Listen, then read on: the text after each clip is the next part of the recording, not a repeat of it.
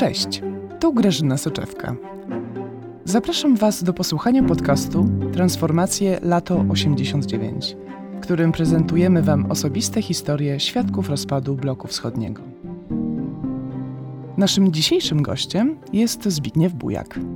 Zgodził się opowiedzieć nam o tym, co transformacja ustrojowa oznaczała dla niego osobiście, jak ją przeżywał, jakie towarzyszyły mu nadzieje i rozczarowania.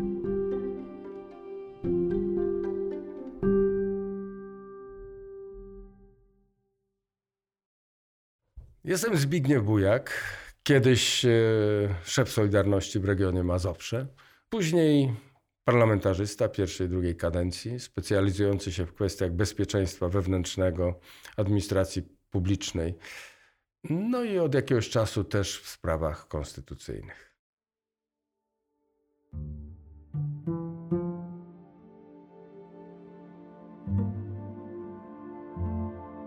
Więc oczywiście lata 70., w których my już wchodzimy w dorosłość, są latami w gruncie rzeczy łagodnymi. My w Polsce nie obserwujemy e, właśnie aresztowań, nie, nie słyszymy o jakichś właśnie ciężkich karach dla, dla ludzi, którzy się zajmują opozycją. Jakby jest świadomość, że terroru tego ostrego nie ma. Jeżeli mamy świadomość, że no dobrze, to co nam grozi, to wyrzucą nas z roboty, no to pewnie znajdziemy sobie jakąś inną robotę. Dopiero właśnie wtedy, kiedy pojawia się coś, co często nazywamy tym terminem odwilż, prawda? I wiemy, i wiemy, że no, tu nie będzie, po pierwsze, nikt nas, nie wiem, zabijał, skrytobójczo zabijał, to to pozwala właśnie na, w razie czego, ten zryw, czy ten bunt, który się przeradza w coś publicznego, prawda? Kiedy jesteśmy razem i rzeczywiście jesteśmy na strajku, jesteśmy na torach, wychodzimy na plac.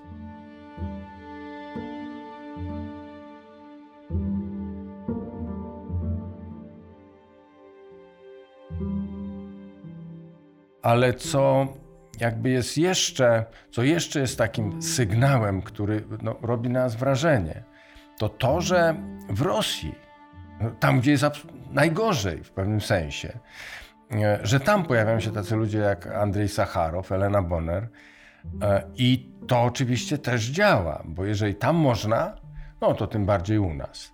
I to nie było tylko moje odczucie, skąd my o nich wiemy. No oczywiście z wolnej Europy, no, BBC, no i oczywiście Głos Ameryki.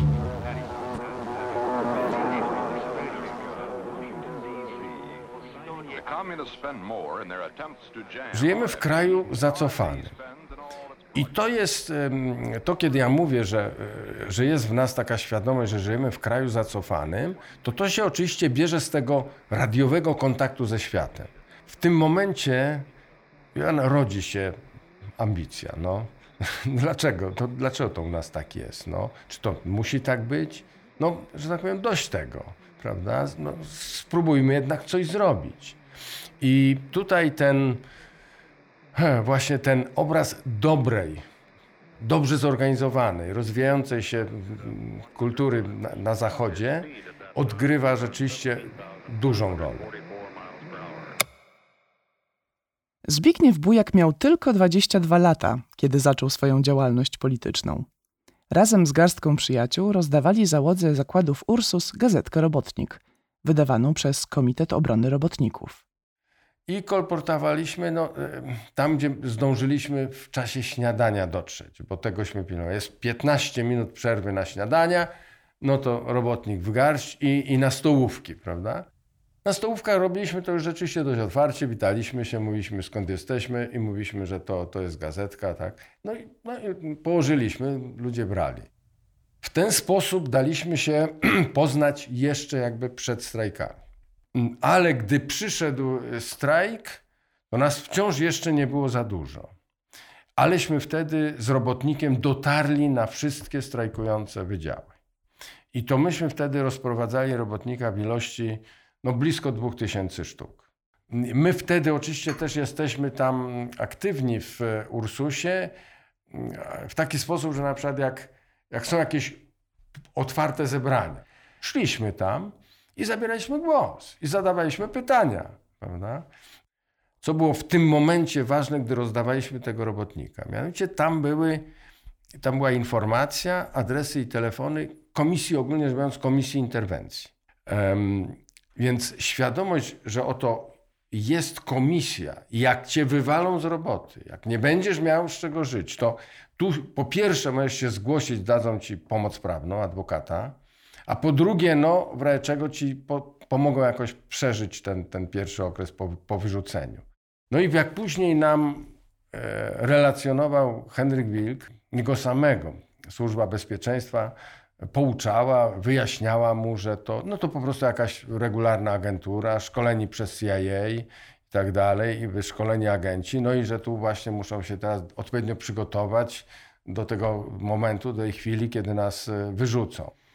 Jak już później, to wiemy z relacji, jak już ci ten aparat partyjny pytał, no ale jak to się dzieje, żebyście ich do tej pory nie wyrzucili, to oni mówili, no są za bardzo znani. Choroba, boimy się, że jak będziemy chcieli wyrzucić, to tutaj będzie właśnie jakiś strajk. Musimy to dobrze przygotować. Ale w miarę jak to, tę decyzję odwlekali w czasie, to tych ludzi, którzy już nas znali, którzy potencjalnie mogli wystąpić w naszej obronie, przybywało. Dzięki temu paraliżowi władz zakładu w 1980 roku Zbigniew Bujak był już powszechnie znanym i lubianym działaczem robotniczym. Kiedy więc przez kraj przetoczyła się kolejna fala strajków i doszło do podpisania porozumień sierpniowych, Bujak założył komórkę Solidarności w Ursusie, a wkrótce stanął na czele całego regionu Mazowsze. Legalne istnienie Solidarności jako masowego, dziesięciomilionowego ruchu społecznego, możliwość rozmawiania z władzami na równych prawach, trwający w kulturze karnawał wolności – to wszystko dawało nadzieję na nieuchronne nadejście prawdziwej wolności. Więc mieliśmy absolutnie poczucie, że tu nadchodzi jakaś duża zmiana. Ale politycznie, kiedy Polska może wyjść, że tak powiem, z tego wszystkiego jakoś, jako nie wolny kraj, no to myśleliśmy sobie przed nami 15, 20 lat. Tylko, że wtedy byliśmy młodzi to dla nas perspektywa 15-20 lat to nie była żadna zastraszająca perspektywa. No to przecież to wszystko się jeszcze rozstrzygnie za naszego życia. Było oczywiście dużo y, ludzi bardziej sceptycznych, którzy uważają, że, że nie, że to się wszystko tak szybko nie rozwali. I to jest tak, że pan, im kto lepiej znał system sowiecki, im więcej w nim przeżył, im więcej miał z nim doświadczenia, im lepiej znał jego opresyjność, tym właśnie był ostrożniejszy i jakby odsuwał tę granicę, tę, tę perspektywę właśnie jakiegoś wyzwolenia dalej. A nawet byli tacy, którzy mówili, żeby ten system pękł, żeby tu się coś zmieniło, to na to szans nie ma.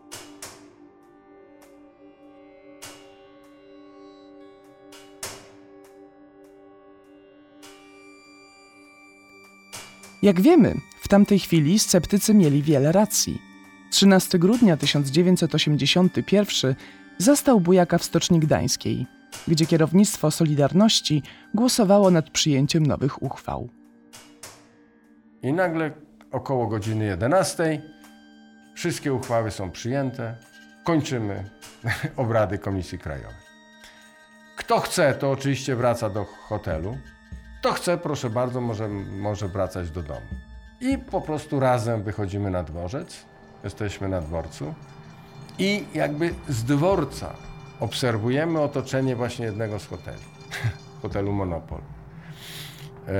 Otoczyli go właśnie gdzieś tak po 12, a my pociąg mamy coś koło drugiej w nocy. Więc mamy ten czas, kiedy stoimy sobie na tym dworcu, obserwujemy.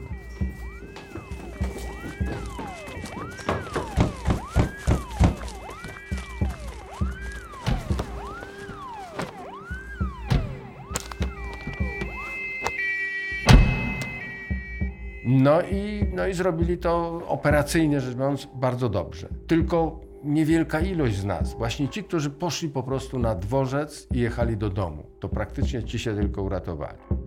No a my, jak się zorientowaliśmy, że coś się dzieje, postanowiliśmy się ukryć e, w samym Gdańsku. No i ja rzeczywiście też te pierwsze godziny, tylko pierwsze godziny spędziłem w takim pobliskim klasztorze, z którego widać było stocznie, bramy, wszystko. No i tam po tygodniu, po tygodniu wróciłem, wróciłem już pociągiem do Warszawy i dalsza działalność już, już się odbywała w Warszawie.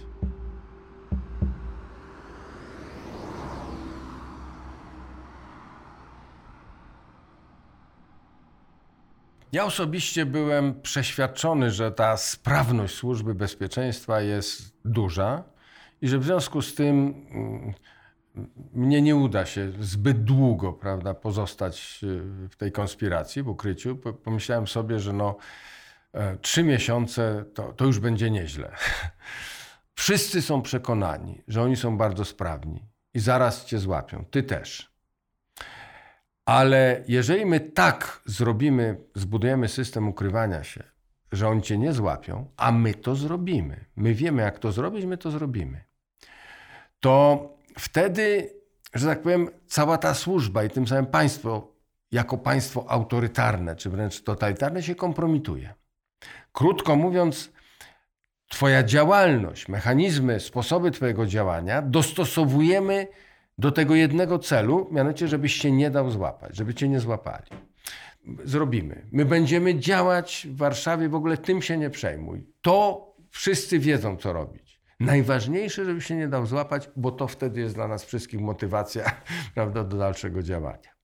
I to było przemyślane naprawdę, ja, ja mówię genialnie. Genialnie, bo naprawdę to, że nie mogli mnie złapać, okazało się być dla nich w dużej mierze kompromitujące po ich stronie też mieliśmy swoich agentów, no, tak, tak to nazwijmy, czyli ludzi, którzy informowali nas o tym, jakie oni stosują mechanizmy działania.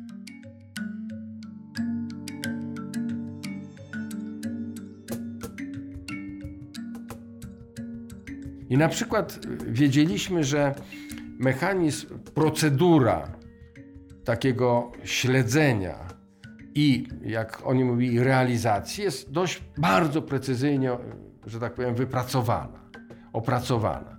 Mianowicie od momentu, w którym oni jakby trafiają na trop, mówią, aha, coś tu jest, ktoś tu jest, być może on.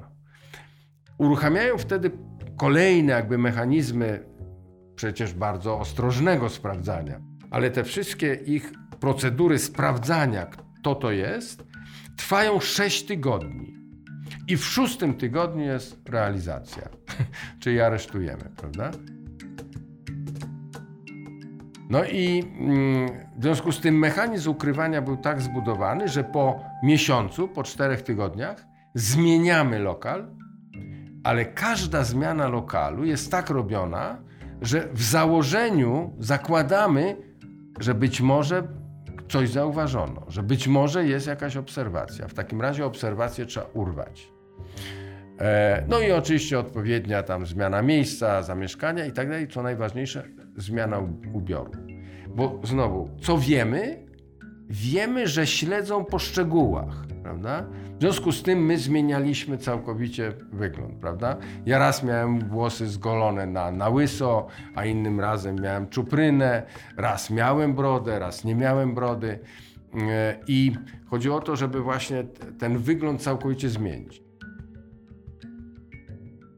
No to, co mnie osobiście pomogło, to to, że ja w gruncie rzeczy mam, e, że tak powiem, no, no typową twarz. Prawda? Nie, nie ma żadnego szczegółu.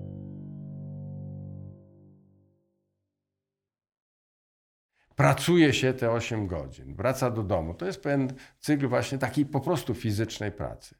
I nagle koniec. W jednej chwili się to kończy, ma, siedzi pan w pokoiku, rzeczywiście często niewiele większym od celi. No i jedyne, co pan może robić, no czytać i pisać. W stanie wojennym, no się jeszcze, nie pamiętam w tej chwili, w którym roku, ale do nas dochodzi taka informacja, że oto zrodziła się koncepcja, żeby w momencie, w którym nas się złapie, to rzeczywiście ukatrupić, zabić i zniknąć, czyli rozpuścić w kwasie solnym i koniec. A e, przygotujemy tylko taką kampanię, która w dodatku już idzie, ona już się dzieje, że oni już dawno są za granicą Oni już są dawno na Lazurowym Wybrzeżu. Oni już dawno są tam, a ktoś już ich widział, kogoś mnie widział na Wyspach Kanaryjskich, prawda? My wiedzieliśmy już o tej propagandzie, że my już dawno za granicą. Jak się dowiadujemy o tym, że tu jest tego typu plan, omawiany w bardzo wąskim gronie, no to nam troszkę skóra na grzbiecie ścierpła.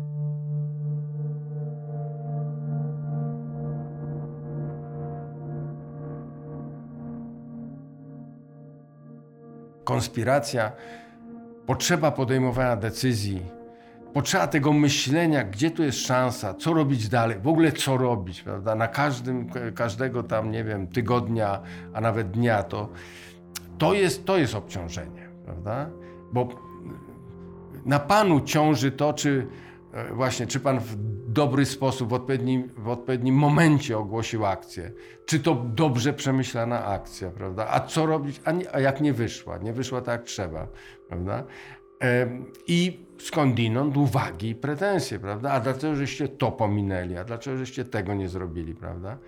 Więc to napięcie, zwłaszcza wtedy, kiedy ta ten stan wojenny trwa, ten stan zawieszenia trwa i naprawdę nie do końca czuć i widać, jak to by się miało zakończyć, jak to się ma rozwiązać, co tu się ma stać.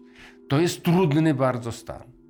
No i w momencie, w którym wie pan, ja słyszę te trzy wybuchy, które miały wysadzić, wysadzają drzwi, bo to oddział antyterrorystyczny wchodził, to pierwsze, co odczuwam, to ulga. po prostu ulga. Aha, wchodzą. Aha, czyli teraz mnie aresztują. Aha, czyli teraz już idę do więzienia. Teraz ta, te pytania, co robić, jak działać i tak dalej, to już, to już nie moje zmartwienie. Do mnie należy tylko jedno: siedzieć godnie w więzieniu, nie zeznawać, prawda? nie dać się złamać, nie dać się zastraszyć.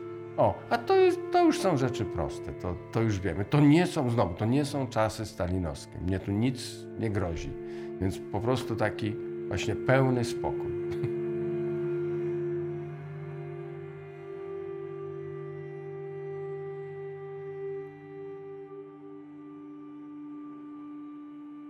Ja założyłem, że jeżeli, e, że tak powiem, ta druga strona jest twarda, nie zamierza w ogóle w żaden sposób na, na żadnym polu ustępować, no to ja sobie posiedzę. No to sobie posiedzę może trzy, może pięć lat w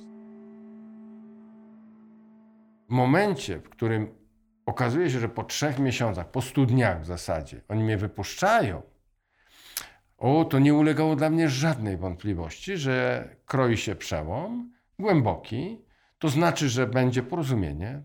No i oczywiście jest tylko kwestia czasu. Czy to będzie zaraz? No pewnie nie. No pewnie na to trzeba będzie może dwóch lat, a może trzech, a może nawet pięciu. Pytanie tylko takie strategiczne co będzie impulsem, który spowoduje, że, że w ogóle siądziemy do stołu? Co ma być tym impulsem? Nie ulegało dla nas żadnej, no dla mnie w ogóle dla nas żadnej wątpliwości, że dopóki nic nie zmienia się w sposobie, w propagandzie i sposobie funkcjonowania w Moskwie, prawda? Dopóki tam się coś nie zmieni, dopóki tam się coś nie odmieni, to i my w zasadzie musimy trwać w takiej sytuacji, w której nie bardzo wiemy, jak długo. W związku z tym kierownictwo Solidarności zleciło dopiero co wypuszczonemu z więzienia Adamowi Michnikowi mieć oko na wydarzenia w Moskwie i dawać znać, kiedy tylko pojawią się choćby najsłabsze objawy osłabienia systemu. No i w którymś momencie, ja już przecież dokładnie nawet nie pamiętam tych dat ani nawet lat, wysyła sygnał, potrzebuje spotkania. Pilnie. Stało się. Zdarzyło się, prawda? Spotykamy się i on mówi, słuchajcie, zdarzyło się. Gorbaczow ogłosił Y, głasność. No więc my też do końca nie wiedzieliśmy, co to znaczy głasność w tej kulturze rosyjskiej. On powiedział: Słuchajcie, to oznacza, że on pozwala mówić. To oznacza, że on uchylił drzwi.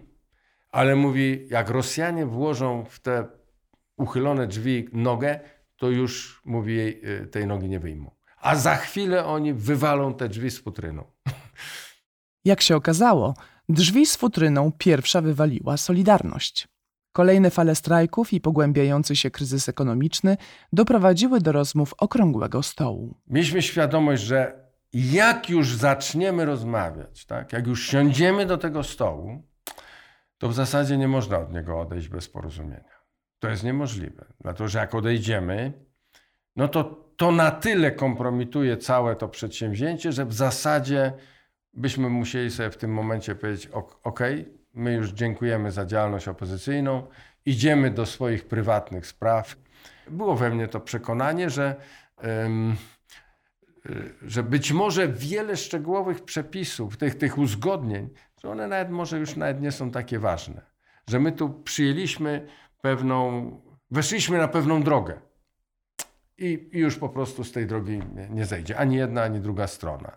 Rzeczywiście, żadna ze stron nie zeszła z drogi prowadzącej ku głębokiej transformacji ustroju. Jednak dla Zbigniewa Bujaka z dawna wyczekiwany moment zwycięstwa okazał się mieć słodko-gorzki smak. rodziła się świadomość, że to między nami już się zaczyna walka o wpływy. Kto tam, kto tam gdzie będzie prawda, o czym decydował. W stosunku do mnie i Władka Frasyniuka, z tego co wiem, to też my nie byliśmy brani przez ten zespół, który jakby mm, konstruował, kto będzie przy okrągłym stole, a kto nie.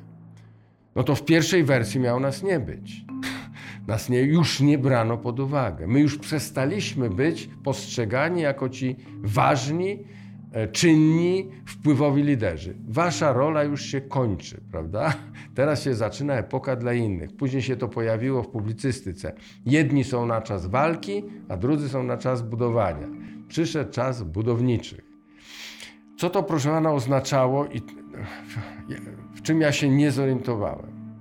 Właśnie, że następuje przejęcie od tej dotychczasowej e, e, elity przywódczej Solidarności, to co my mieliśmy jakby u siebie, e, siłę polityczną, prawda, i, no, no i jakąś władzę, że to przesunęło się do środowiska już właśnie ekspercko-inteligenckie. I że od tej chwili Solidarność jest już tylko tym związkiem zawodowym, to w zasadzie żeśmy już tę historyczną rolę spełnili. Panom już dziękujemy. Polityczna kariera Zbigniewa Bujaka trwała jeszcze długo. Między innymi przez dwie kadencje zasiadał w Sejmie i piastował wysokie stanowiska w administracji państwowej. Nigdy jednak nie udało mu się powrócić na szczyty władzy i odegrać decydującej roli w polityce. Dla wielu pozostaje jednak symbolem walki o wolność. W 2011 roku znalazło to odzwierciedlenie w nagrodzeniu jego zasług odznaczeniem Orderu Odrodzenia Polski. Polonia Restituta.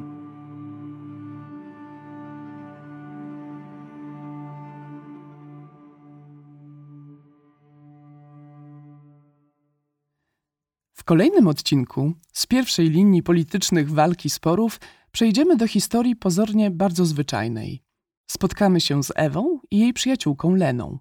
Usłyszycie opowieść o ich przyjaźni, która nam wydała się całkowicie nierealna, a jednak wydarzyła się naprawdę. Podcast Transformacje Lato 89 jest produkcją Culture.pl, portalu Instytutu Adama Mickiewicza. Za produkcję i udźwiękowienie odpowiada Move Me Media. Redaktorami byli Marcin Pieszczyk i Adam Żuławski. Do usłyszenia.